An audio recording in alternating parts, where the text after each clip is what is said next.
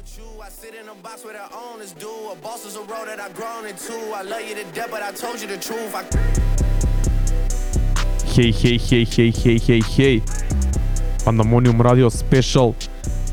Сабота попладне, 15 часот и 9 минути, а, директно од Амок радио во центарот на Скопје. Добар ден, а, поздрав до сите што не гледате на YouTube или не слушате на Mixelar, ако таму работи линкот, бидејќи имавме некој технички проблем. Јас сум Мајри Скреч, до мене мојот човек Трајче, здраво Трајче. Здраво Дарко, здраво Пандамониум радио екипо, здраво Амок радио екипо. Се надам дека сте окей. Сабота попладне, се чувствуваме прекрасно, предобар ден и дојдовме малце да слушаме убава музика, да позбориме. Голема благодарност до Амок радио што што не поканија и што ете имаме честа да да да да се да настапиме и да се представиме на нивната платформа. И се надеваме дека на на многу по повеќе соработки помеѓу нас А, прв пат Пандамониум радио на гости кај Амок радио, студиото изгледа прекрасно, како што може да видите тие што не гледате на YouTube. Ако некој не слуша на Mixalari на друго место може да дојде на YouTube бидејќи таму веќе има некоја дискусија во чет и плюс ќе се ќе се надоврзи понатаму, плюс може да видите како изгледа просторот, просторот е супер, екипата е супер. Ние сме тука ни дала термин да го направиме тоа што најдобро го правиме. После 22 епизоди кај нас на нашиот канал на Mixelar сме тука да презентираме пред малце поинаква публика а, за тоа што најде да речеме под па наводници најмногу знаеме, тоа е хип-хоп сцената, посебно оваа актуелна, модерна а, хип-хоп сцена која се случува во моментов и во иднина. Имам, имам многу за зборење, но пред се мора да даеме еден а, респект до DMX, Rest in Peace DMX, вчера стигнаа лошите вести. DMX е една легенда која остави длабок печат во хип-хоп музиката и културата на крајот на 90-тите и почетокот на 2000-тите и мислам дека беше дол на многу луѓе од нашата генерација кои тој период негде почнуваа да слушаат музика. Како се сеќаш за за оваа вест? Ко, ко прво, мислам дека и многу луѓе кои што се помлади од нас не можат да сватат кое беше значењето на DMX, бидејќи мислам дека а, во првите сеќавања ми се онака као Rough Riders, а, сите негови песни Party Up, и мислам дека изгубивме голема легенда во хип-хопот. Имаше имаше еден коментар каде што го видов каде што викаа дека а, на нашата генерација е DMX е тупак и до некаде е така бидејќи еден од првите артисти кој што е мултиплетнам, кој што збори онака за многу сериозни работи, каде што збори за своето собствено стање, за свој за својот mental state, а, збори за mental issues уште во првиот албум и поставува бројки како некомерцијален артист во тоа време, значи тој сам се прави да биде со комерцијален успех. И на еден начин е еден од ретките кои што и ако не единствен кој што во првите свои пет албуми а, сите негови албуми се со Platinum Plex и првите два се извадени во 6 месеци, што е ненормален фит сам по себе, но мислам дека за тоа ќе збориме повеќе во понеделник. Обавезно, ќе посветиме малце повеќе време на DMX. Мораме да одаме да оддадеме почит на таква легенда. има големо легаси, ја лично не сум бил преголем фан, немам преслушано се од него, но еден мал период од животот ми беше онака многу јак и многу интересен. Баш тој период кој ги гледав спотовите на траката Rough Riders, Anthem, најголемите хитови се разбира Up, X Gonna Give It To и така натаму. Но ние сме тука да збориме поише за еднината, да збориме што се случува со хип-хопот у моментов, што ќе се случува во следнава декада, бидејќи некако пред карантинов се смени музиката, но со веќе една година длабоко во во пандемија во карантин, осеќаме уште поголема разлика и осеќаме дека музиката како што трна луше повеќе ќе се менја во еднина. Но пред да почнеме таму мора да имаме мала ретроспектива на 2010-тите како ера. А, ерата во која јас најмногу се пронаоѓа мерата во која јас можеби не израснав, но најмногу се изградив, имав својата почетокот на својата диџејска кариера, на самиот почеток на таа ера. И тоа што го правам веќе 10, 11, 12 години е се во таа ера, тоа е таа така наречена трап ера на хип-хопот, мислам дека ја и ти сме и двајцата големи фанови ја репрезентираме таа ера, па ајде да даеме пред да почнеме да збориме за 2020-тите, да даеме мала ретроспектива на 2010-тите, што беше тоа што се случуваше во претходната ера, односно оваа сегашната сеја која може и полека оди при крајот. Така. Како и на како и секоја како и секоја она а, би рекол декада во хип-хопот некако чудно, но хип-хопот се менува од декада на декада и тоа се гледа онака промени. Кога се ќе се навратиме во 2000-тите имаше големи голем шифт во индустријата, во 2010-тите имаше конкретно во 2010-те почнаа во 2009 веќе да се чувствуваат промените со артисти ко Кање, ко Дрей, ко Ники Минаш, сите тие што се појавија на сцената во тоа време и почна звукот да се менува, почна да се гледаат и да се обработуваат други работи, некако настана голем шифт. Тоа што беше и не беше никако и на на било каков начин а, би рекол а, под влијание на тоа што се случувало во претходната. Те едноставно се појавуваат се појавува нов бран на артисти каде што си го земаат своето, си прават свој стил на музика и едноставно тоа е тоа ги воспоставуваат новите стандарди за што се за што тоа треба да биде мејнстрим и што треба да биде прифатливо во културата. Кога почнува тоа? Тоа за мене лично почна неде крајот на преходната, значи крајот на 2000-тите, таму 2007-2008 со Kanye West, uh, 808 and Heartbreak со Lil Wayne, мислам дека тие се онака предвестници на новата uh, ера која доаѓа и таа си почнува влага на голема врата со појавата на Дрейк, со првите трап песни, со појавата на тој нов, тотално нов звук, нова естетика, нов изглед на артистите, нов изглед на спотовите, нови теми кои се третираат или старо нови само во поинакво пакување.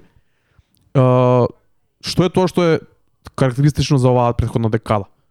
2010-тите. Ја би рекол дека пред се е, е самата тематика. Многу се многу се менува бидејќи овде имаме артисти за луѓе кои што пораснале во таа ера и кои што ја слушале тековно таа музика а, и целата таа промена мислам дека ја и ти бевме дел од тоа бидејќи во тоа време ја многу истражував и по различни по различни звуци, но сепак ме влечеше на кај тоа. И во 2009 онака го добиваш Take Care кој албум каде што Дрейк прави целосен шит. 2011. 2011 извини 2009 беше So Far Gone а, каде што онака прави цел шифт на на целата се појавува Виз Калифа кој артист. Има многу нови сили многу нови и кој што кажа сите а, онака на еден начин факелот го предаваат артисти ко Lil Wayne ко Kanye West и го предаваат на помладата генерација каде што соработуваат со нив ги стават по нивни закрила и им даваат една платформа каде што можат тие слободно да се да се изразат и да ја креираат музиката што сакаат да ја креираат. Па така и некако се, се музиката некако според мене станува многу поискрена, многу по а, многу поможе да допре до до слушателите бидејќи знаеме од тоа време какви се да не го заборавиме и J. Cole овде е J. Cole кој што ден денес важи за еден од вистинските рапери од таа мейнстрим сцена каде што тој се уште си стои на своето и буквално нака иде по иде на а, спротив а, спротив тие индустријски стандарди би рекол. И Мислам дека од овде почнува таа промена за сега пак ја гледаме веќе во 2019 може би кој што каже и најверојатно е повеќе и повеќе инспирирана и од пандемијата бидејќи а, многу работи се случија, а, начинот на живот а, и секојдневието на многу луѓе се смени и мислам дека на еден начин а, не дека ќе умре, но ќе се повлече и ќе се киде настрана и кидеме некаде во нова во нов правец. Што е нормално бидејќи во хип-хопот тоа се случува директно или индиректно декадата, секоја декада со себе си носи своја ера, но ајде да видиме што беше тоа. Можете, да, можете да, да направиме уште една уште малце ретроспектива само на 2010-тите како декада. Се појавија многу се појавија цела генерација на нови артисти кои до ден денеска се, се, акту, се актуелни и активни, као Дрейк, као Wiz Khalifa, некој повеќе, некој помалку се разбира. А, после таму на кај 2014-15 се појави нов феномен, тоа се некои под наводници така, така, така кажани SoundCloud рапери. Е нов феномен на а, артисти кои млади артисти пред се од целиот свет кои својата музика ја закачуваат на SoundCloud и од таму добиваат некоја виралност и некоја популарност, нешто што до тоа што немаше случено на музичката сцена никаде. Тие да можат од SoundCloud да почнат да со својата кариера така, само со закачување на траката таму. Буквално со една песна добива major record, uh, major major deal и од таму старта кариерата. Тоа тоа беше такви има многу Lil Yachty, Lil Pump и некои тие кои што и немаа некои толку долги кариери онака да бидат во во спотлајтот и во лаймлајтот, но а, факт е дека тоа пак и според мене вроди еден нов момент во во хип-хоп музиката 2015-2016 и конкретно тоа е колку и колку и ја да сум против или за тоа се појави Lyrical Lemonade онака. Тоа ми е месе на пример единствениот би продукт од SoundCloud ерата каде што ја можам да го поддржам тоа. Бидејќи Lyrical Lemonade е еден таков извонреден проект а, а, кој што го има создадено Кол Бенет преку буквално само тешка работа и многу креативност и има дадено една платформа и ден денес дава да- дава ја дава истата платформа на артисти кои што инаку не би не би добиле не би добиле мејџер релиз но но но заради него и, и заради песните кои што кои што тој им помага да ги креира и да прави спотови за нив добиваат после тоа Тоа е друга тема на дискусија, лирикал лемонет не имам измешани чувства искрено, но не може да се негира ефектот и успехот кој тој го има. И кога сме кај лирикал не мора да спомнеме, значи 2010-тите се ера во која огромно внимание се посветува на спотови и на синглови наспроти албуми, што е прва декада во која тоа се толку толку толку е, лесно се гледа на некој начин. Ту- Тука е волчлива таа посветеност на вадење на бенгери, да речеме под наводници сингл по сингл, да се постигне што поголема популарност, интересни видеа за еве во 2019 веќе да стигнеме во ера каде што а, видеата се се по помалце стануваат се помалце битни и се префрлува целиот музички свет на стриминг сервисите. Апсолутно. И знаеш како од друга страна, мислам дека не е дека не е дека во 2015 и во 2016 немало квалитетни албуми, нас то то то наспротивно од тоа имало пре пре а, преквалитетни изданија, но кој што кажа не биле во спотлајтот, не, не немал нем- немале немале некаква не, немале некакво големо значење. Ја не памтам албум кој што излезел во тоа време и да има страшни бројки, освен ако не е изваден од Kanye West и од Drake и од некои таквите што се најголеми. Нема некој што дели освен тие. Не, добро, тоа последно беше изразено ко- после 2015-16, 2016 беше една година која имаше многу интересни албуми, многу квалитетни, Секогаш. почетокот на 2017 и после тоа некако некако годините, како поминуваа годините, се помалце. И тука веќе некаде се виде застојот на оваа претходна ера и на оваа претходна декада кога на некој начин се истрошија сите до тогашни фори и сите новости кои дојдоа на почетокот на декадата со новата генерација и се стана некако обид да се ископира веќе популарното, што побрзо да се направи популарност преку закачување над некој тренд кој е во моментот актуелен, што придонесе до некоја презаситеност на Да. крајот на 2010 Мислам дека презаситеност е правиот збор за тоа. Пре, а, презаситеност, репетитивност, а, немање на креативност за да се извади нешто ново и доколку е креативно и нешто ново, а, не добива доволно внимание бидејќи едноставно и медиумите, а и а, плейлистите и целата машинерија позади, позади индустријата не ги поддржуваат едноставно. И алгоритмите работат против тоа и едноставно а, мислам дека и тоа беше причината во 2017-2018 кој што кажа да за во 2019 и веќе 2020 да има огромен бран на артисти кои што а, си, се, се ставаат сами пред себе, онака буквално си го зазимаат се тоа нивно што е во своји раце, се грижат за своите кариери на свој начин и а, идат по тој independent route и се погажа ко многу им, а, се покажа ко многу а, успешен на еден начин и ко дека може да вроди голем плод и да да имаат успешна кариера за понатака. Уште една интересна работа која се случи кон крајот на преходната декада е тоа што артистите кои ја направија популарна и актуелна, кој се појавија на почетокот, веќе кон крајот почна да експериментираат со звуци и целосно да, да излезат, од а, улогата во која биле предходно. Да, да ги погледнеме тие брат, да ги спомнеме као овде е Kanye West, така ги има извадено. Kanye West почна страшно да експериментира во, во новата ера. Овде овде е Drake каде што од Party Anthems и секогаш имал B-sides за после да премине во Scorpion кај што кај што е многу интроспективен, кај што е ретроспективен и каде што збори за своји ствари. А после ги имаме го имаме A$AP Rocky, така го знаеме дека тој беше предводникот на целиот тој трап мувен во 2012 година. Овде е Kendrick Lamar кој што иако покарактеристичен сепак ги имаше сеп, сепак имаше таа сепак имаше таа продукција, трап продукција, а, имаше такви бенгери Backseat Freestyle од 2012 за после во 2015 да извади албум код Pimp a Butterfly и 2016 да следува албум код Damn. Така што секогаш тие артисти А, и има овде многу, значи не ги набројуваме сите пошто не можат, а, но овде спаѓаат онака на ум што ми доаѓаат се Брокхемптон, се Дензел Кери кои што исто исто се а, артисти кои што се појавиле во 2014-2015 година и станале познати за после веќе да почнат да експериментираат со звуци. Има премногу, но бидејќи но мислам дека и тие што остан, што биле предводници на на на новата ера, веќе почнале да експериментираат со цел да се да се на еден начин да се префрлат кон кон новата за да останат за да останат а, релевантни на еден начин. Мене еден од најкарактеристичните ликови за тоа а, ми е The Weeknd, кој од а, New R&B звукот кој го донесе таа декада, баш House of Balloons славеше 10 годишнина пред некој месец, сега стигна после 10 години да прави нешто тотално различно, да отиде премногу во поп, што мене лично може би не ми се допаѓа, но самото тоа кажува дека он донесе еден звук на сцената за потоа свесно или под, или подсвесно да ја напушти истата и да одиде кон нешто друго да брка. буквално го остави својот трак и замина од таму.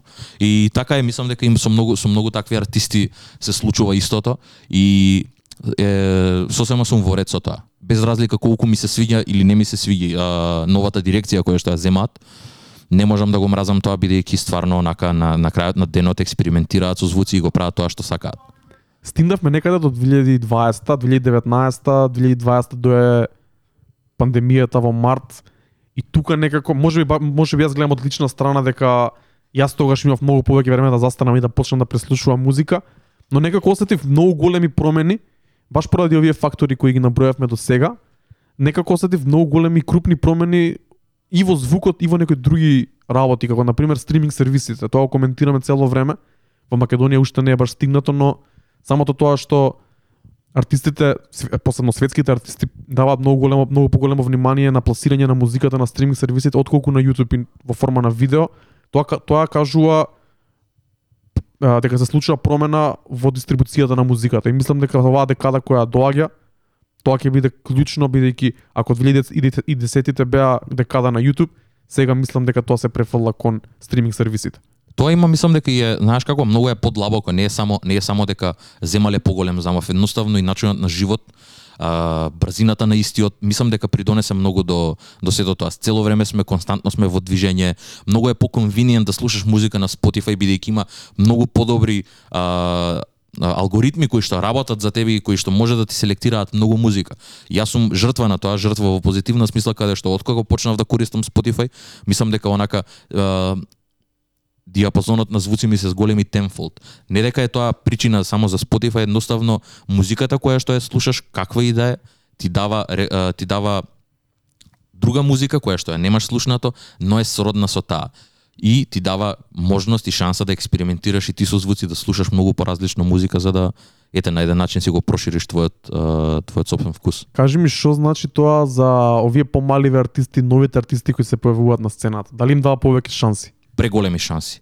Ја мислам дека и тоа тоа еве ќе почнам ќе тргнам од мене каде што а 2019 посебно, значи користам Spotify некаде од 2017 и сум на стриминг сервиси поодамна. Следам SoundCloud дур беше веќе по тоа таа исто 2014 2015 и секогаш тие мене ми ми а, мене ми биле за да дознаам некои нови артисти правам плейлисти врз основа на тие плейлисти, после ќе заменам на некое радио, ќе слушнам нешто ново. А, така дознав многу голем број на артисти и мислам дека тоа не може да има не може да има не, не може да има негативна а, конотација на сето тоа. Едноставно градат фан бази и градат своји своји сцени каде што тие може сами да да се одржуваат. И тоа веќе се повеќе и повеќе го гледаме во 2021 каде што артисти кои што не не, не се очекувал дека ќе станат познати во смисла да ги имаат тие бројки што ги имаат на стриминг сервиси, да ги имаат моментално. Многу голема разлика Огромно. прават бидејќи таму се наоѓаш на едно место заедно со сите останати артисти. И тука доаѓаат до изрази плейлистите, тотално различен начин на перцепирање на дистрибуцијата на музиката од една страна, од друга страна слуш, слушање на музиката од страна на слушателите, што отвара уште поголеми шанси во оваа нова декада да видим уште поголеми промени, се надевам уште повеќе индепендент артисти и подобри услови за нив на крајот на денот што е многу битно. Дефинитивно, мислам дека тоа треба стриминг сервисите да поработат на тоа и да дават многу подобри услови за индепендент артисти, но знаеш како и другата позитива е што не мораш да се занимаваш за на начинот на кој што ќе биде дистрибуирана твојата музика. Ако имаш некој специфичен ролаут на албум, знаеш дека можеш да се посветиш на него бидејќи доволно е само еден обичен аплоуд на на Spotify за веќе луѓето да имаат музиката во некаков домен и ти да почнеш на твој артистичен начин да го извадиш албумот преку спот, преку visuals, преку visualizers, социјални мрежи. преку социјални мрежи на свој собствен начин. И тоа многу голем број од артистите го прават. Дали тоа е преку дали тоа ќе е поврзано со мерч, дали тоа ќе е поврзано со брендови, дали ќе е поврзано на било каков друг начин на кој што тие го прават, ги има многу. Значи, имаме зборено предходно, конкретен пример ми се најинтересни, нај, нај, најкреативни ми се а, она quote unquote вистинските рапери ко ко Бени да Бучер, ко Рок Марсијано, каде што буквално тие си имаат свој а, не, не, не би го нарекол империја, но но империја во поглед на тоа дека стварно онака во, во секој во секој во секоја сфера од својата музика тие го контролираат сето тоа. Рок Марсијано онака буквално не вади албум, го вади албумот, но го става на стриминг сервиси после 4 месеци. За тие 4 месеци намерно го продава само преку CD или ако сакаш да го купиш во физи, во физикал, а, во физикал форма што му дава на еден начин ревенју и после го става на стриминг сервиси за сите да може да го слушнат, но дава некаков начин на ексклузивитет на своите а, кор фан, на, на, на своите кор, кор, кор фанови за да може да го да, да, да се чувствуваат некако поинаку за неговата музика.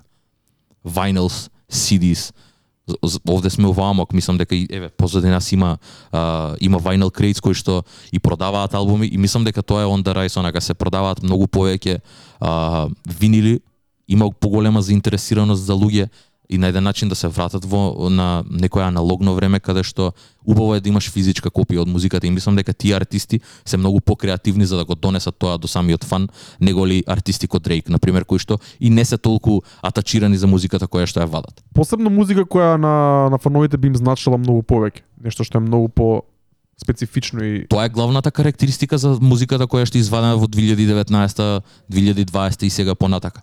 Многу повеќе контент, многу повеќе е многу повеќе може да допре, не е толку detached од публиката и мислам дека е многу порелевантна за музиката. Многу е по а, можеш да се поврзаш со неа. Не знам како да го објаснам тоа, но мислам дека е поискрена. А, артистиве а, го сватија тоа дека веќе едноставно се менува а, и мора да да дадат нешто за луѓето да да има како да се поврзат со него и веќе тие филмови нема продавање нема продавање филмови веќе. мислам дека тоа помине, тоа се исцеди максимум дури повеќе уште се, се цеди уште, ама повеќе што требаше се исцеди во претходната декада. Поставивме на прашање на на Инстаграм, освен пандемијата, кои моменти беа клучни за да се почне со овие промени? Што мислиш за тоа? Ја мислам дека пред се таа презаситеност која ја помнавме веќе, значи тоа што сите пробуваа едното исто да го направат веќе а, познатиот трап трап ритам и дали мамблање, дали било што врз него. Второ мислам дека е тоа дека се, истро, се истроши таа тематика на возење на филмови, дали вистински или фейк, не знам. Но мислам дека кога сите го прават тоа, кога сите го зборат тоа, не е веќе интересно. И затоа, ба- баш поради тоа, мислам дека се појавија некои артисти кои ги спомнеме малце покасно како Кота да Френд, кои нудат тотално различна содржина, тотална спротивност на тоа што Перспективата е поинаква едноставно. Мислам дека главната причина е кој што кажа презаситеноста, репетитивноста, веќе го спомнавме тоа и а, знаеш како се едното исто и не само во спо, не, не само во поглед на не само во поглед на текст или на контент во самата во самата музика, туку едноставно и продукциски. Гледање од страна на продукција, мислам дека е стана пререпетитивна, барем мене ми стана предосадна. Одлично искуство каде што музиката едноставно беше стварно звучеше иста. Но јас мислам дека тоа има врска и со хиперпродукцијата, бидејќи американската хип-хоп сцена е огромна, секој пробува да го земе колачот, постојано се вади музика, постојано се пробува, постојано се краде, срамно и онака Бесрамно буквално. бесрамно се краде, се се копира. И но од друга страна се појавија и по- поради технологијата, поради напредокот на на интернет, на опрема за правење музика се појавија и за снимање на спотови што е многу битно, се појавија многу интересни артисти од целиот свет кои понудија малце поразличен звук и како што кажат и поразлична перспектива отколку американските кои доаѓаат од Атланта или од Лос Анџелес или од Њу Йорк. Онака се појави имаше хип-хоп сцената во Европа си постои од пред 20 на 30 години во некои држави можеби, но последниве 4-5 години со а, глобалната популаризација на тој понаводници трап звук и таа трап естетика, онака сите деца го слушаат тоа, се појави многу локални артисти кои успеа да изградат многу квалитетни и одржливи кариери секаде во Европа, па дури и кај нас.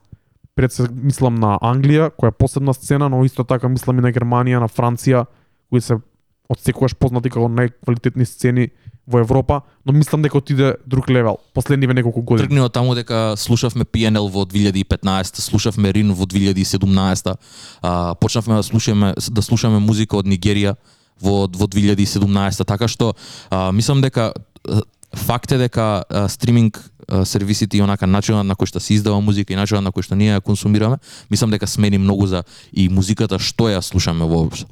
А, така што факт е дека факт е дека веќе нема толку влијание и мислам дека американската сцена го осеќа тоа и веќе кој што гледаме, значи пробува да се интегрира и дури таму. Мислиш? Јас не па, се осеќам така. Знаеш како? Мислам дека не, не, ти, е- не ти е чудно дека веќе поеше соработки има Брна Бој со, со, со амерички артисти и се тоа. Мислам дека на еден начин машинеријата пробува да навлезе и таму, бидејќи музика, музика е музика, на крајот на денот е бизнис. И ја мислам дека се надевам стварно дека нема да навлезе толку и дека нема да го уништа тоа. Баш ти спомнав ја пред некој ден гледајќи ја Rap плейлистата на која а, се огледував прв пат кога направи Spotify пред 4-5 години, што се што се става таму, знаев дека тоа е маст, сега кога ја гледам, онака дури смешно ми доаѓа што се ставаат и како колку е заглавена во моментов, ја мислам дека американската сцена таа мејнстрим сцена под наводници е заглавена бидејќи има една нова генерација на артисти кои звучат како да од пред 2-3 години, големи ви имиња а, немаат извадено добар проект, чекаме многу проекти во 2021, но некако е во некој кјор сокак бар така осеќам бидејќи музиката што има на рап кавијар во моментов последниве неколку месеци или последнава година може да се каже, воопшто не ми се допаѓа и мислам дека тоа е епитомно тоа што го збориме сите негативни ствари на од презаситеноста, од копирањето, хиперпродукцијата, неиновативноста.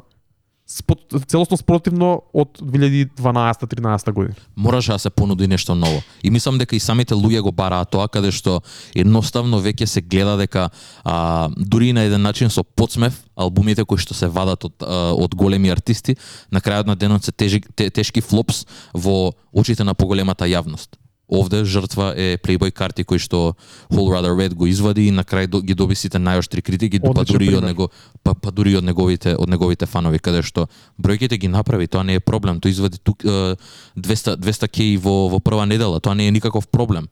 Но на крајот на денот а, како е она рецептивноста на луѓето на начинот на кој што тие го прими и на начинот на кој што тие го зборат е сосема поинаков. Никој не го коментира тој албум, а искочи пред 6 месеци. Или има многу артисти, многу артисти чии албуми продаваат по 4-5 илјади копии само, а тие имаат 500.000 followers на на Инстаграм или милиони followers на Инстаграм или можеби имаат еден мега хит, но ниеден но ниеден човек не се пушта да го прислуша албумот бидејќи знае дека освен некој TikTok вирален хит, тој артист нема што да понуди друго. Не се заинтересирани да слушнат луѓето воопшто музика од некој таков човек.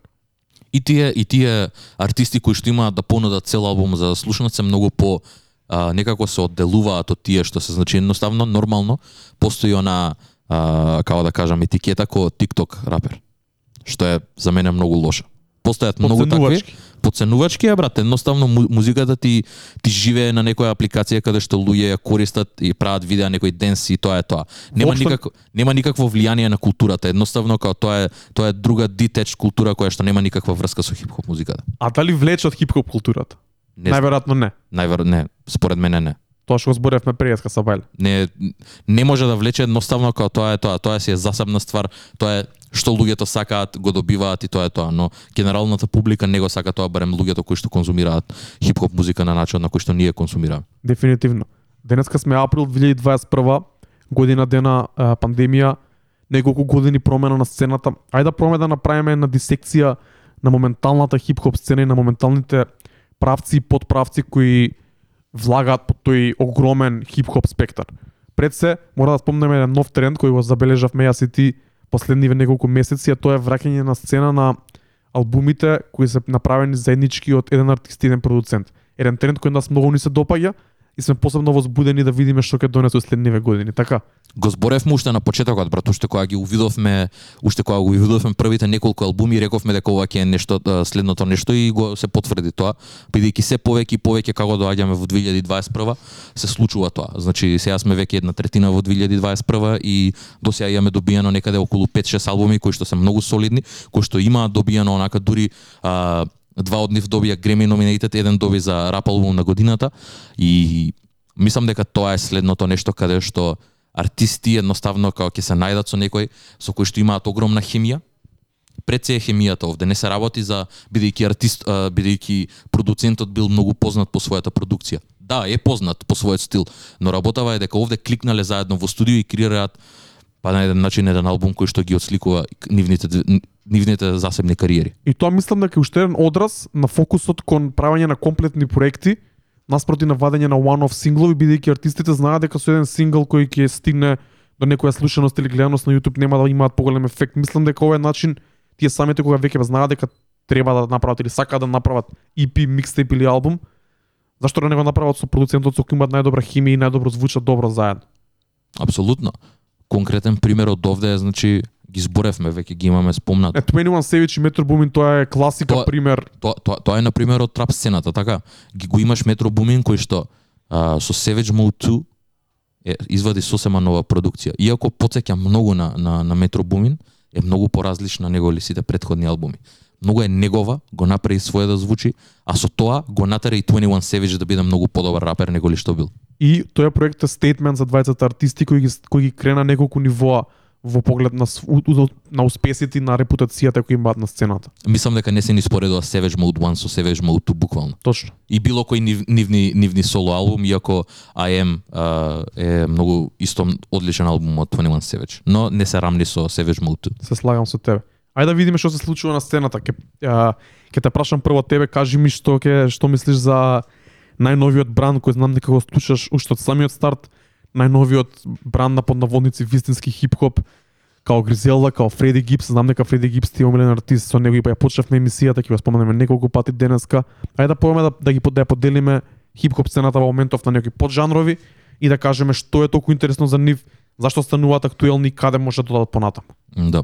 Е па, вака, ме нервира, мислам, не дека ме нервира, но а, факт е дека тој бран не е нов.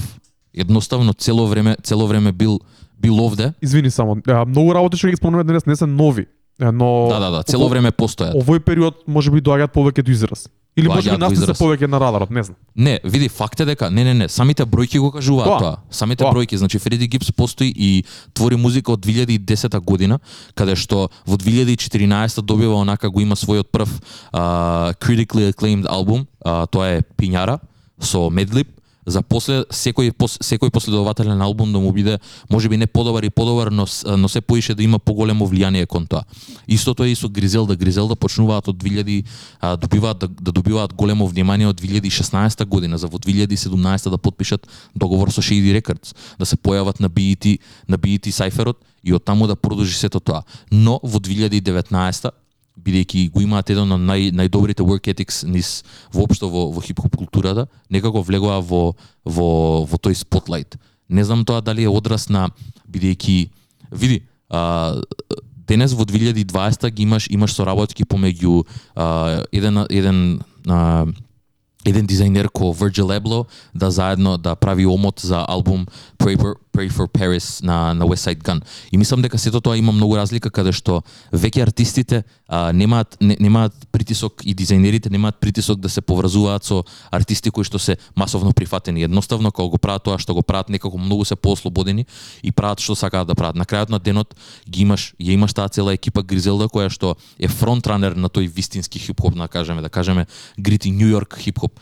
И сега веќе влагаат каде што и имаат и многу посериозни бројки, но секогаш постоели и квалитетот сега веќе е само подобар. И тоа е многу добро бидејќи никогаш не го продале својот стил, едноставно само некако го дорафинираат со секој следен со секој следен релиз. Јас ги ставам Фреди Гипс и Гризела тука некаде во мојата глава спаѓаат во некој сличен жанр, плюс дека знам дека ти ги слушаш и двајцата и знам луѓето кои ги слушаат, дека се одреден тип на луѓе. Само те прашам, што е тоа што ги одвојува едните или другите се едно од целата сцена, што е тоа што ги прави уникатни, зашто луѓето воопшто почнуваат да ги слушаат. Бидејќи кога мене ме прашуваш, Гризелда во поглед на содржината, па и дури Фреди Гипс дефинитивно, не не нудат нешто поразлично од Moneybag Yo, од таа underground трап сцена, но на поинаков начин го кажуваат. Што е тоа што ги одвојува нив од од другите рапери?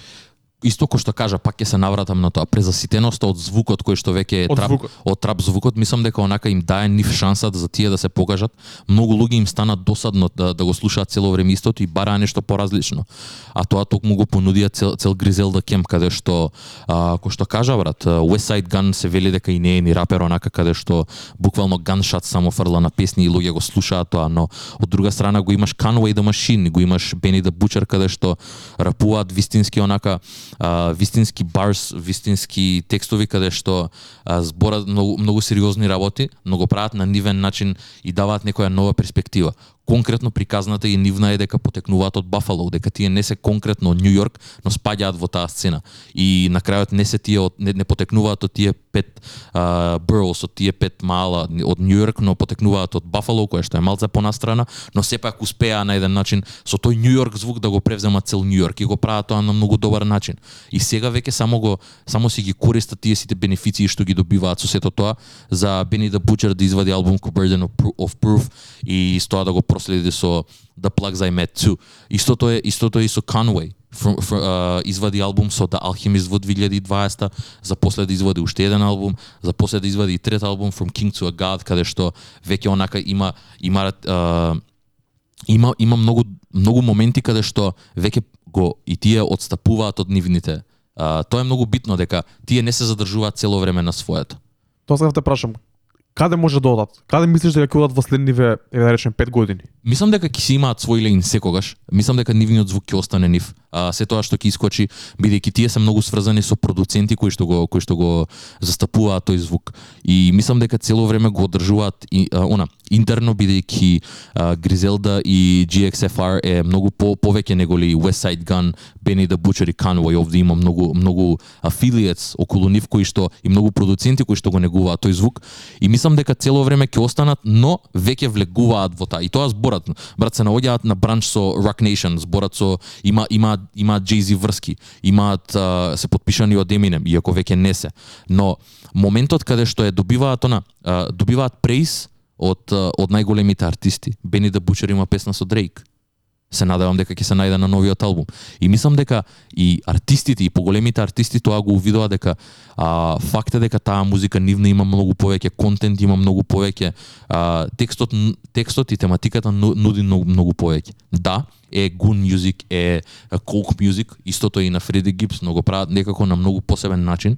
И на пример, а, иако еве, ја би рекол дека Фреди Гипс а, го има истиот апил кој пуша ти.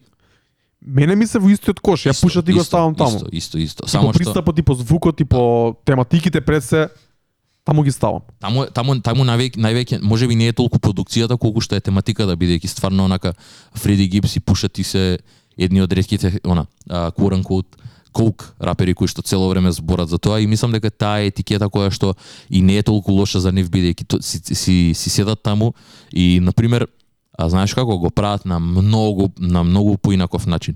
А, Фреди Гиб збори за едно, а, збори за едното исто кој кој пушати но кога ги кога ќе ги споредиш двете, не звучат воопшто исто. Освен кога ќе се најдат на заедничка трака кој што е Палмолив. Може да видиме а, дека Фреди Гибс добива и мейнстрим популарност што е многу добро во можеби во доцните фази на својата кариера, но среќен сум поради тоа и среќен сум бидејќи сме тука како Пандамониум радио да го испромовираме тој и да го види да го забележиме растот на Фреди Гибс од пред година дена до сега и да се радуваме заедно на и да го ставиме на прво место на нашата топ листа и така натаму. Бидејќи го заслужува тоа. Тоа го тоа го заслужува, го заслужува целото внимание кое што го има и многу ми е мило дека е тоа така.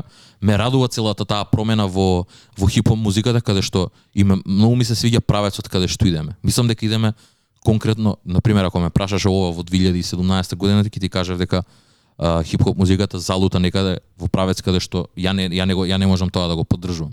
Но сега 2021 ме радува дека е така. Кажи ми што е друго што те радува на страна од ова Е, да те прашам, како ја класифицираш ти ова ова екипа Фреди Гибс Гризелда? Како се хип-хоп брат. Не, ја не, не можам не можам не можам да кажам дека е нешто посебно бидејќи Фреди Гипс сега моментално онака прави песна со Schoolboy Q, има песна, има песна со Big Sean, а и за многу луѓе што не знаат, тој ги има тие конекции од многу одамна брат. Фреди Гипс беше на 2010 XXL uh, така што заедно со J. Cole, заедно со Wale. Добро, така ајде, што окей, Фреди Гибс, ајде да преидеме малце понатаму. Не, не, не, сакам да ти кажам дека мене конкретно тоа ми е хип-хоп, не мора да има посебен лейн, но но може онака да вибрира помеѓу многу поинакви артисти. Е, па да кажи ми што друго е во е, што те радува за воиднина од хип-хоп сцената? индепендент сцената, брат. Кој што кажа, тоа а, лоу-фај музиката, музика која што има многу повеќе содржина во себе, добива, добива многу поголем замав и тоа многу ме радува, дека од секогаш сум имал, знаеш како моменти дури во, во кога сме имале, кога посто, кога кога, кога си им- имало, кога биле трап да факап журките и се тоа, има моменти каде што сакам да ја слушам музиката која што ми е за нажурка и се враќам дома, но не го слушам тоа, го слушам другата која што има контент, која што има содржина, која што некако на еден начин и се хранам од неа, ми дава некаква енергија за нешто. И сега веќе таа истата музика добива многу поголем пуш, многу поголем спотлайт и многу повеќе артистите сакаат се поише и поише да креираат таква музика, каде што луѓето ќе може да се поврзат со неа тоа многу ме радува дека музиката конечно веќе станува многу по собствена луѓе не се артистите не се плашат да зборат за, за нивните проблеми. Не мора веќе да флексаат, не мора сати да носат, не мора не, не мора да имаат еден тон диаманти на нив. Едноставно тоа го прават пошто го сакаат, но музиката која што е која што која што е креираат не е базирана врз основа Имаше многу, многу артисти претходнава да декада кои направија тоа да е окей, као Мек Милер на пример, кои онака беа целосно различни, многу беа интроспективни во својата музика и буквално го прераскажува животот преку неа и добија голема популарност и мислам дека денешни артисти, посебно оваа лоуфа екипа која мене многу ми се допаѓа последниот последнава година е да речеме од кога почна карантинот, некако тој лоуфај, new wave, boom bap со млади емсиња кои имаат своја флоу и кои имаат некоја различна тематика и општо различен звук, многу ми фаќува бидејќи е целосна спротивност од се тоа што го слушав пред последниве десетина години. Таа тој момент на таа искреност многу по смут, многу по чил изразување, не е толку наметливо, не е толку in your face, целата музика, целото битување на стилот не име тако флембојант, него е многу по повлечен. Бара за во карантинов многу добро ми прија. Брат, не можеш да се поразаш со Мигос и као зборат за имање 30 сати кои што коштаат 20 милиони, туку можеш да се поразаш со музиката на на Кота да Френд, со музиката на Лојал Карнер, со музиката на Лери Джун, каде што зборат за вистински работи, за вистински проблеми кои што секој човек може да ги искуси во неговиот живот. И а, дури на еден начин ни даваат перспектива за како да ги надминеш истите, што е многу добро. Многу интересно дека во Њујорк, дека некако Њујорк се враќа на мапата, значи ги имаме вие што се рапери како Гризел од една страна, имаме лоу-фај рапери како Кота да Френд, цела Beast Coast екипа која работи веќе цела декада, но мислам до- добиваме некој впечаток дека повторно добиваат некој внимание на страна од Се повеќе и повеќе, да. на страна од Джои Бедес. Значи го, го зборевме кај нас Ерик Ди Архитект, Флетбуш Зомбис ги зборевме, проера екипата, значи Целата целиот бискос буквално онака каде што артисти дури и код The Under добиваат момент на на на свој шајн, така што тоа тоа едноставно не можеш да не го подржиш, го слушаш, музиката е таква кој што е, е кој што каже, можеби во тој во конкретно за нив не би рекол дека може би е лоуфај, но продукцијата е та нивна е. Нивна е и веќе гледам промена и кај нив каде што И тоа сакав да го спомнам. Тоа може би почна на пример не дека почнало со со Мек Милер, но а, многу ми е битно дека веќе во во музикава и во а, во новата музика која што се крира, која што веќе добива онака мейнстрим апил е инструментализација брат. Продукцијата веќе многу се повеќе и повеќе е базирана на инструменти. А, хип-хоп артистите експериментираат со со инструменти и бараат онака бендови кои што се многу квалитетни, соработуваат со истите и креираат во некој домен и, и цели албуми. Uh, еве можам да се сетам на еден, а тоа е Bad Bad Not Good, бенд кој што прави многу интересна музика и каде што во 2015 во 2016 имаат албуми заедно извадено со Ghostface Killa кој што е онака легенда во хип-хопот, кој што рапува цел живот на семплови, на, на семплови и овде и сега го имаш овде каде што вади оригинална музика која што и рапува на на истата тоа тоа веќе се се гледа и во 2021 а, луѓе кои Андерсон пак онака мултиинструменталисти. Значи и, и самите рапери веќе не се плашат да експериментираат со музика каде што влегуваат во студио и учат да да свират на инструменти. Тоа е многу добро и само тоа може да го прошири нивниот диапазон. Исто што ме радува многу е онака и рапери се повеќе и повеќе не слушаат рап музика. Туку ја креираат и слушаат сосема друга музика. Тоа тоа е тоа е нешто што го имам приметено и не знам дали е тренд или не, но на пример артисти ко а, арти, добар си, добар си. а, артисти ко а, ете, Мек Милер, Тайлер the Creator, ги има тие каде што се инспирираат меѓу себе и прикинуваат да слушаат хип-хоп музика на еден начин и а, слушаат нешто друго што ќе ги инспирира да креираат нешто сосема ново. Не поврзано со хип-хопот, но на нешто што не потекнува од хип-хоп музиката, но е хип-хоп музика. И тоа само ме радува бидејќи од секогаш сум фан на експерименталност, а, сакам да експериментираат со звуци. Никогаш не ми пречи тоа без разлика дали дали ми се свиѓа на крај финалниот продукт или не. Најчесто ми се свиѓа, но а, сакам само да го сакам се повеќе и повеќе да го гледам тоа. И сакам сакам повеќе да го гледам и од артисти ко на пример, не знам, а, дури и што не си излегуваат многу од својот лейн, сакам да го видам тоа и од нив. Не ми пречи. Не знам, ја, ја искрено немам некоја такво толку високо мислење за инструментал инструментализација во хип-хопот бидејќи јас ке хип-хопот го сакам повеќе оној момент да, да удира појако, да биде по подвижечки такви музика, слушам таква музика, сакам и општо не сум сакал од никогаш а, многу дип хип-хоп, туку сум сакал да биде многу полесен за слушање за конзумирање и да ме движи на малце поинаков начин, затоа и слушам и други такви такви правци. И поради тоа ме, ме радува бидејќи во Њујорк се случува и тој новиот дрил бран а, и паралелно со него се врати трапот некако андерграунд во во Атланта од каде што потекна после десетина години во мейнстримот ќе остане уште неколку сигурно бидејќи во моментов клубската музика не оди во некоја друга насока, се уште трап битот и трап а, звукот е оној што ја што го води мейнстримот, но мислам дека со текот на времето трап музиката ќе се се врати назад на улиците кај што си припаѓаше и среќен сум поради тоа со артистите као Young Dolph, као Kick Lock, као Moneybag Yo, Lil Baby е тука да го репрезентира онака, мислам дека тоа што мене ми се допаѓа кај- хип-хопот, се враќа во Атланта, се враќа на улиците и ме вози многу. Не ми е за секоја пригода и можеби не е за во секој клуб во Македонија посебно, но мислам дека е супер што се враќа таму каде што дојде, бидејќи во овие десетина години години прифати и беше инфлу, инфлуенсиран на добар на добар или на лош начин од различни ствари.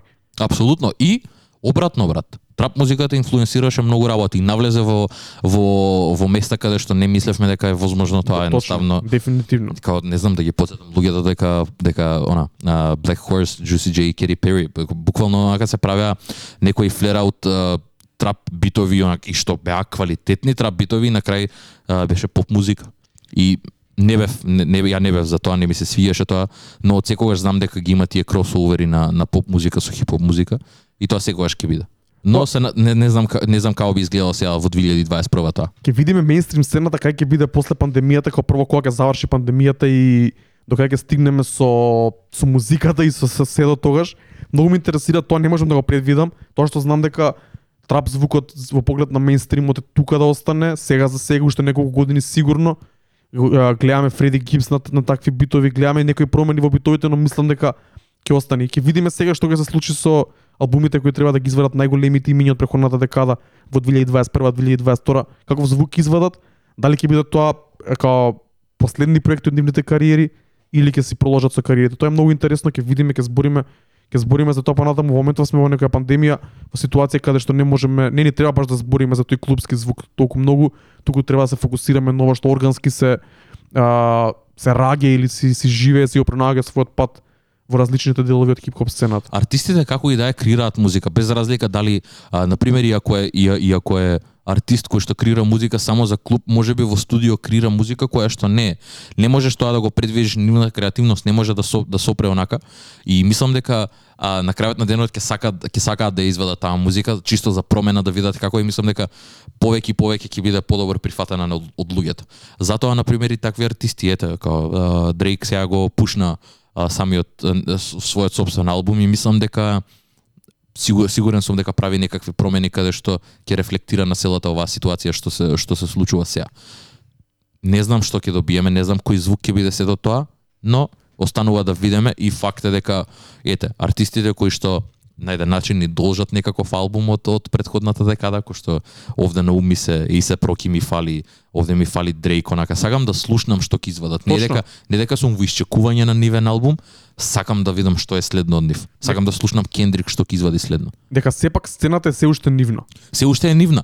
Искрен искрено верувам дека не може никој да го турне Дрейк уште добри 5 години. Не, ако извади Кендрик, ако извади Кендрик албум од нигде никаде, светот ќе се сопре брат. Сите ја ќе застанам уместо и ќе го пуштам на Spotify, ме разбираш? Ако извади Kanye нешто од Out of the Blue ќе седнам и ќе го слушнам истиот албум. Нема нема нема да она, а, J. Cole го очекуваме последниот негов албум кој што го најави, така? И мислам дека буквално во тој момент ја добивам веста дека J. Cole изва, застанувам што и да правам и го пуштам него, бидејќи стварно тие се се уште фронтранери на, на, на нивната генерација и не дека времето им е пројдено. Не значи дека 2020 дојде, па нивното време заврши. Тука едноставно прават многу подобри ствари. J. Cole го има Dreamville, Kendrick го има TD, работат со многу помлади артисти, едноставно тоа е тоа, ја зимаат другата позиција. Многу ќе биде интересно да видиме во која насока ќе одат тие бидејќи тие се тие кои се опозиција да го а, направат трендот или да извозат некој бранд, така да не би сакал да преодицирам за за популарната сцена што ќе се случи бидејќи треба да почекаме да видиме во која насока ќе отидат најголемите имиња па да збориме за тоа. Него кажи ми, тоа што е е, една работа што ја приметив пред да почне пандемијата и откако почна лани, некако тој 2000s зв- R&B звукот се враќа во малце а, изменета форма 20 на години покасно. Се враќа, имавме Тори Лейнс неколку песни на почетоците, Дрейк изводи неколку песни така со семпл околу 90 BPM, тој R&B клубски звук на 2000-тите се враќа. Со тоа гледам дека се враќа и естетиката, се враќаат и пошироки фармерки, се враќаат некои ретро ретро парчиња као фубу и као такви некои ствари. А, во исто време, од тебе знам дека јас не, не слушам таков класичен R&B, се врати и R&B звукот Или може би не се врати, но има пак некоја експанзија последниве години. Сега веќе, кој што кажав, сега веќе добива онака многу повеќе на а, многу поголемо внимание. Не дека не дека таа музика не постоела во 2015, кој што рековме на самиот почеток, но сега веќе е во во тој спотлајт и мислам дека луѓето а, се повеќе и повеќе ја слушаат примерно можеби заради тоа дека се затворени дома, сите се онака во својата комфорт зона и си прават тоа што си прават и едноставно тоа ги при, ги принудува на еден начин луѓето да ја слушаат сета таа. И нормално е со со поголемо внимание на неа и артистите да добиваат поголемо внимание, а со тоа е некако и музиката по да станува порафинирана, да не е толку а, да не е толку low-fi во смисла да не е толку а, обработена до крај, бидејќи многу голем многу голем дел од тие ствари кои што се ваделе во 2015-2016 од истите артисти, сега во 2020 нивната музика многу звучи по на на следното ниво е однесена каде каде што соработуваат со многу подобри продуценти, со многу подобри инженери и музиката е стварно на на некој на некој next level овде кој што кажа, постојат тие два правци каде што има едно клубско R&B каде што а, се пее на, на модерна продукција, дали ќе е трап, дали ќе е нешто 90s BPM, дали ќе има high hats involved, а, овде пеат, рапуваат, некој микс меч овде е помеѓу, помеѓу тие две работи.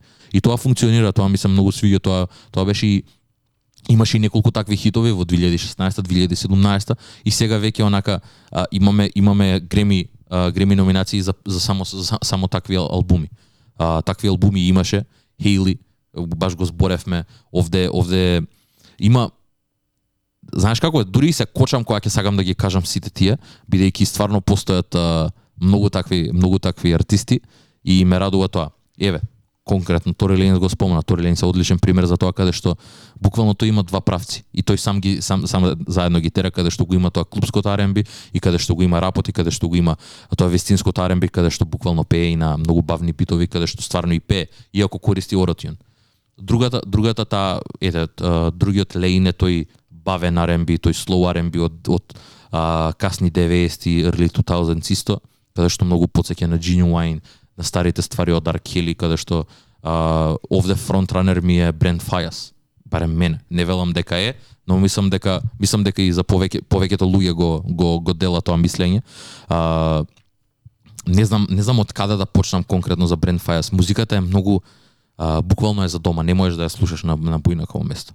Едноставно таква е, таква е естетиката, битовите се многу празни, им се дава простор на, на самите артисти да пеат и да ги на еден начин да ги флексаат своите вокални способности. И еве конкретно Brent Fires тоа го прави феноменално. Следен кој што ми доаѓа на ум е Givian, кој што за, за мене е нов артист. Ја го дознав во март 2020 година на новиот проект на Drake и ги истражив из неговите стари ствари и се тоа што има извадено до до до овој момент е феноменално. А, не знам како да го опишам тоа, само ќе им кажам на луѓе да го изслушаат, да го преслушаат, ќе пуштиме нешто сега на крај од нив, ќе збориме за тоа, но а, а, така Брент Fires доби Греми номинација за Fuck the World. А, Baby Rose доби доби исто така а, Black Keys исто така одличен одлична група. Има има моменти каде што и тоа ако што го кажав, тоа повеќе е проминентно во R&B музиката каде што се користат инструменти. Го имаме Андерсон пак овде кој што можеби не е толку бавен, но има а, за луѓе што не знаат нека го слушнат на Уборис неговото дуо со Knowledge, каде што тој рапува на такви побавни битови каде што тој поеќе ги флекса неговите вокални способности и каде што на моменти имплементира рап, но музиката е таква, значи буквално а, ќе слушнеме неколку песни а, Интересно е дека не секогаш R&B знае, најчесто знае да биде поврзано со љубовна тематика, со љубовни песни, но Брент Фајас, на пример, го прави спротивното, каде што а, на, на Trust, на Why is Always Like This, као песни кои што онака збори за улицата, а збори со пеење. Тоа е многу добро, мислам дека тоа е некаква резурекција на 2000-ти и многу ми е мило што има простор на денешна сцена да да се креира и таква музика каде што ете ќе може на таков начин да се да се да се даде една поинаква перспектива. На кратно денот тоа е многу битно бидејќи денес има одреден звук кој е да речеме популарен и нешто, ама мислам дека секој звук си го пронаоѓа својот пат и мислам дека тоа е и во следната декада тоа ќе биде уште повеќе изразено.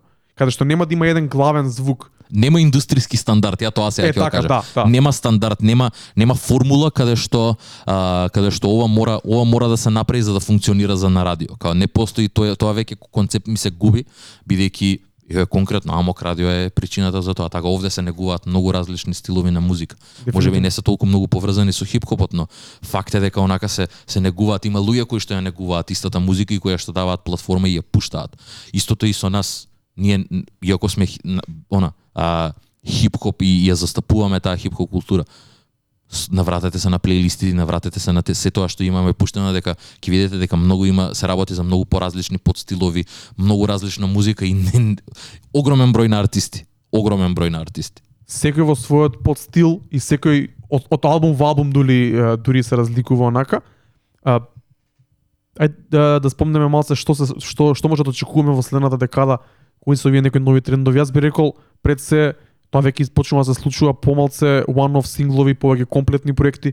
Тоа е нешто што ние го збориме постојано да се потрудат македонските локални артисти да го прават бидејќи и ај ти се слагаме дека one-off сингловите веќе изгубија својата вредност. Сега тие имаат тука да бидат, за тоа се синглови наречени, но комплетни проекти мислам дека се и мислам дека ќе видиме што поголема разновидност кај секој артист и послободно експериментирање и послободно правење музика и не држање до непостоечкиот индустријски стандард. Исто, а, нема нешто нема нема нема нешто што ги кочи да не експериментираат со музика. Едноставно сега и тоа е доказ за многу артисти и еве македонска продук, македонска сцена каде што многу голем дел од луѓето кои што а, кои што сакаат да креираат музика и секогаш се одсечени од, од тој, тој момент каде што и немаат ја немаат потребната опрема, но технологијата го дозволува тоа да сега да имаш онака многу обичен, многу обичен серап дома и да направиш многу квалитетна музика. Конкретно ќе слушнеме, морам ова да го спомнам, дека сите албуми на Лери Джун, а, еден артист кој што премногу го збориме овде а, на, на нашето радио, е неговото студио е буквално во дневна. Не не постои не, нема студио, нема ништо. Седно е на кауч кој што се седна ти во моментот, микрофонот е, за, е, е пуштен на стенд, еден обичен филтер и таму се снима се. Значи- И на крајот квалитетот е префинет. Значи тоа беше мало да тоа беше ситуација уште пред десетина години иако работев со приземја екипа кога Мики као продуцент тогаш пробуваше да изгради квалитетно професионално студио. Јас секогаш зборев као брат не е не е битна каква миксета ќе имаш, да и, идејата е најбитна. Идејата и како тоа ќе се спроведе после, но опремата секако дека е важна. Без значи не- Апсолутно. но идејата е тоа што го прави, ја прави музиката е добра. Посебно кога истата се слуша на слушалки од телефон, на Spotify, на Ретки лош интернет, кои- да, на да, да. Значи квалитетот не е на прво место, тој ако може а- ако може да се направи да звучи квалитетно, тоа е само бонус, но за да артист кој почнува да работи како помлад и без ток, без доволно услови, без доволно знаење, битно е да ја спроведе својата идеја. Нормално. Види, и тоа е, знаеш како, од секогаш, од секогаш го има тој фактор во музиката, каде треба да биде слушана.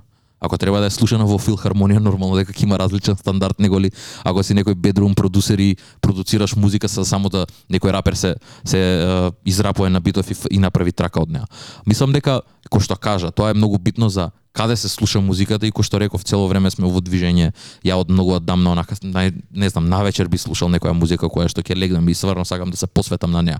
Но пак на крајот на денот е во слушалки, тоа е тој квалитетот а, и мислам дека цело мора да има она да се знае артистот што сака да постигне со својата музика за да, за да го има посекуваниот ефект. Дефинитивно. Дали мислиш дека ќе се појават уште повеќе индепендент артисти во следната декада, бидејќи јас ми сметам дека тоа е единствениот начин напред.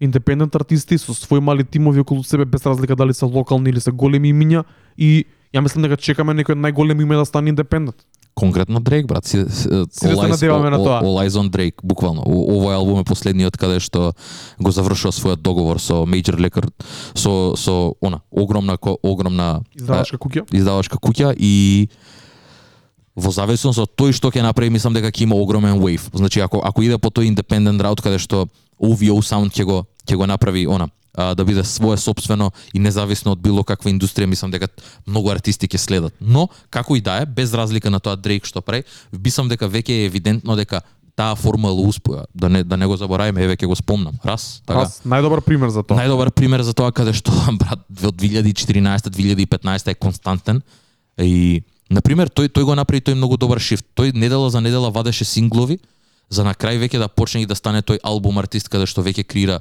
цели проекти, крира мали EPs, каде што ја сваќа, ја сваќа таа цела индустрија и како функционира, го го сваќа и тој short attention span на самите фанови кои што немаат време да слушаат 6 минутна трака онака каде што стои само рапува, иако го има тоа, тоа, тоа, тоа, тоа е песната со со Epsol, но а, мислам дека многу ја има целата креативна контрола за да се го направи, да се го извади, да се извади музиката што сака да извади. Морате прекинам тука. Мислам дека таа стигма дека луѓето имаат а, краток а, обсек на на внимание во денешно време, мислам дека е неточна, може би да тоа е генералната слика поради социјалните мрежи, поради тоа што младите не може да се надлучат и слично, но некако новите трендови ми изгледаат наспротивни, бидејќи еве земи го подкаст како медиум и како формат се поголемо внимание добива. Без разлика дали е поради пандемијата. Луѓето преку глава имаат такви едноставни, лесни и песни и содржина и видевца и TikTokот е тука да остане и другите такви платформи платформи, социјални мрежи кои се лесни за користење, кои се за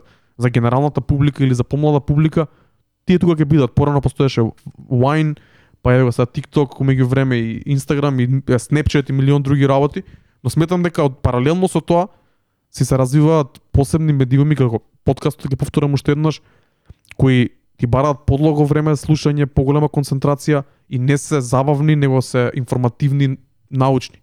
Истото важи и за онлайн радио, истото важи за нашиот проект. Нашите текстови се долги, луѓето ги читаат, без разлика дали се 50 или 100 или 10. Мислам дека во новата декада ќе видиме уште повеќе. Можеби дека ние сме сега малце постари, пе повеќе внимание даваме на овие нови форми на изразување и медиуми, но сметам дека генерацијата кој израсна, кој израсна со трап музиката и со, да речеме, нашата генерација од преходната декада, мислам дека во новата декада ќе бара нови начини на изразување и ќе прифаќа нови начини на а, на изразување од други, што едва чекам да го видам, односно веќе го гледам, едва чекам да стане уште попопуларно. Нормално, мислам дека и а, и тоа е причината за нас што ни се вроди онака да да имаме хибридна емисија каде што ќе имаме подкаст, каде што ќе имаме радио емисија. И мислам дека нормално тоа а, и многу сме благодарни дека има луѓе кои што го поддржуваат тоа дека буквално треба време 2 сати, 3 сати. На почетокот на емисиите ни трае 3 сати и луѓето не слушаат и тука се да зборат со нас и онака да имаме некаква динамика со со луѓето кои што не слушаат. И мислам дека тоа е одлично и дека тоа според мене тоа имањето на short attention span е лоша работа. Не го кажав тоа во позитивна конотација, туку едноставно како ме нервира тоа и сакам каде што сакам луѓето да можат да седнат дома да се смират и да пуштат албумот саат и 15 минути и да се внесат во него и да ја сватат целата приказна. Добро, не мора да е сат и 15 минути, али Не, тоа онака го кажав, ама да, муабетот ми е дека убаво би било да може да да најдат време за такви работи и да најдат начин да да, да ја видат визијата и целта на на артистот кој што го има креирано тоа дело. Збориме точно еден сат, многу лесно ни иде муаветов некако. Се зазборевме да стандардно како секогаш. Се надам дека е окей сега за сега. Бигав до до Амок радио екипа. Е, рипнавме на тема која имавме предвидено. Само на кратко сакам да спомнеме и за на крај да да дадеме некој поглед на македонската сцена во следнава декада. Е, Моватот е дека хип-хопот го спомнав тоа малце, стана глобална работа, од секогаш бил, но сега уште повеќе изразено е глобална работа. Во секоја држава, во секој град се појавува своја индепендент сцена, секој, секоја држава, секој град си има свој звук, што е многу интересно.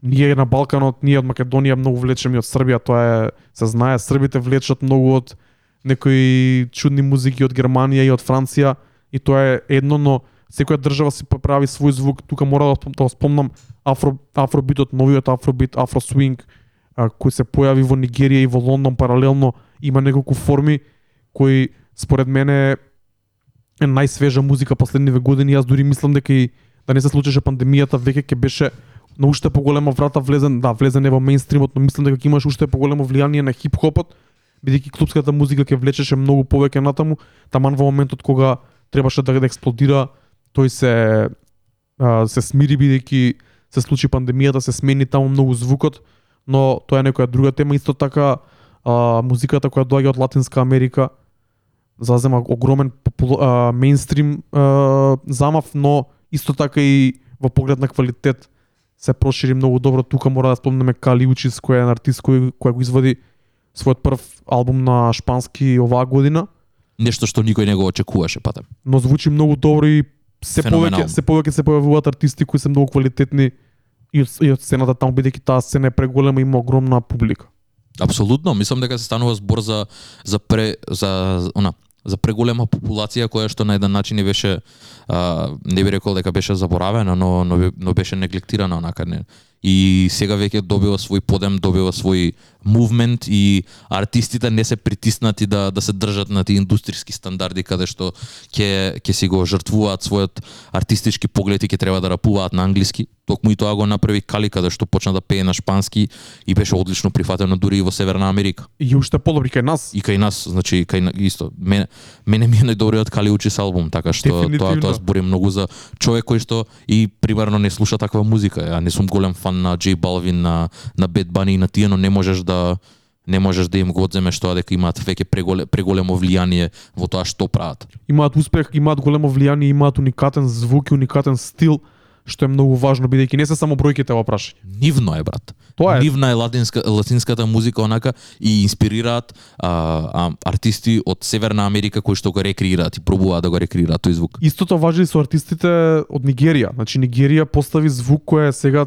широко прифатен во Европа, посебно во Британија, почнува да зазема бран и во Северна Америка и нормално природно некако се доја колаборацијата помеѓу африкански и артисти од Латинска Америка, што е многу интересно.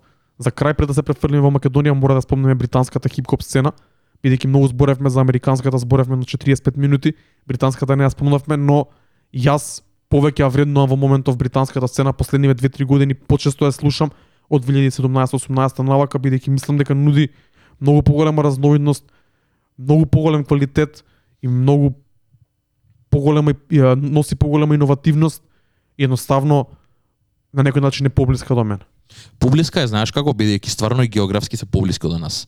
Некако мислам дека и тоа од културолошки аспект може да се земе, но на крајот на денот кој што кажам, мислам дека нудат многу повеќе него ли американците со оглед на тоа дека музиката потекнува од многу правци. Таму се таму се а, збориме за луѓе кои што и реално музиката која што е крирана во во во а, Велика Британија е директно инспирирана од од Африка бидејќи и најгол, најголемата популација на имигранти кои што ја креираат истата потекнуваат од таму Од Африка, од Карибите, нормално. И, и мислам дека и таа е причината бидејќи тие ги носат своите инфлуенси, своите влијанија директно во директно во нивната музика ја вметнуваат и а, нормално а, британската сцена си има свој звук и прават некоја интересна фузија од тие две и овде се случува магија брат. Што уште е поинтересно, британската сцена од секогаш е позната по тоа што а, е многу измешана и раперите а, влечат инспирација и од електронските правци. Кога се веќе кај Амок мора да спомнеме тоа, значи гараж музиката има огромно влијание на граемот, на хип-хопот, значи се тоа е таму многу испомешано, баш вчера слушавме со Индок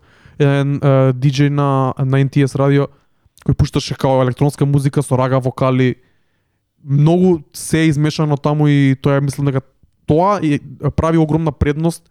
Ќе ја- ќе слушаме неколку траки одбрав е, кога завршиме со муабетот кои ќе го представат баш тој широк спектар на звуци кои се кои во моментов постои на британската сцена. Ја би рекол дека Британија е вистинскиот melting pot моментално во светот во поглед на музика, со тоа што таму имаш а, буквално ја имаш дрил музиката, ја имаш афробит музиката, го имаш го имаш а, грајмот, Граемот го имаш дрил, дрилот го спомнав, го имаш тој, тој британски хип-хоп, ја и- имаш таа индепендент сцена, луѓе ко Накс, Лојал Карнер, кои што кои што исто работуваат со американската сцена, со артисти кота да Френд, Eric the Architect и, и таквите. Така што мислам дека е а, во поглед во она глобалната слика мислам дека е вистински melting pot за сите можни сцени кои што моментално виреат во во светот. А за крај на муабетот, што се случува со македонската сцена, што може да очекуваме во иднина, што сакаме да што сакаме да видиме од македонската сцена во следниве 5 или 10 години, во новата ера, бидејќи кај нас некако дојде некоја ера, се смени, ама не се смени баш.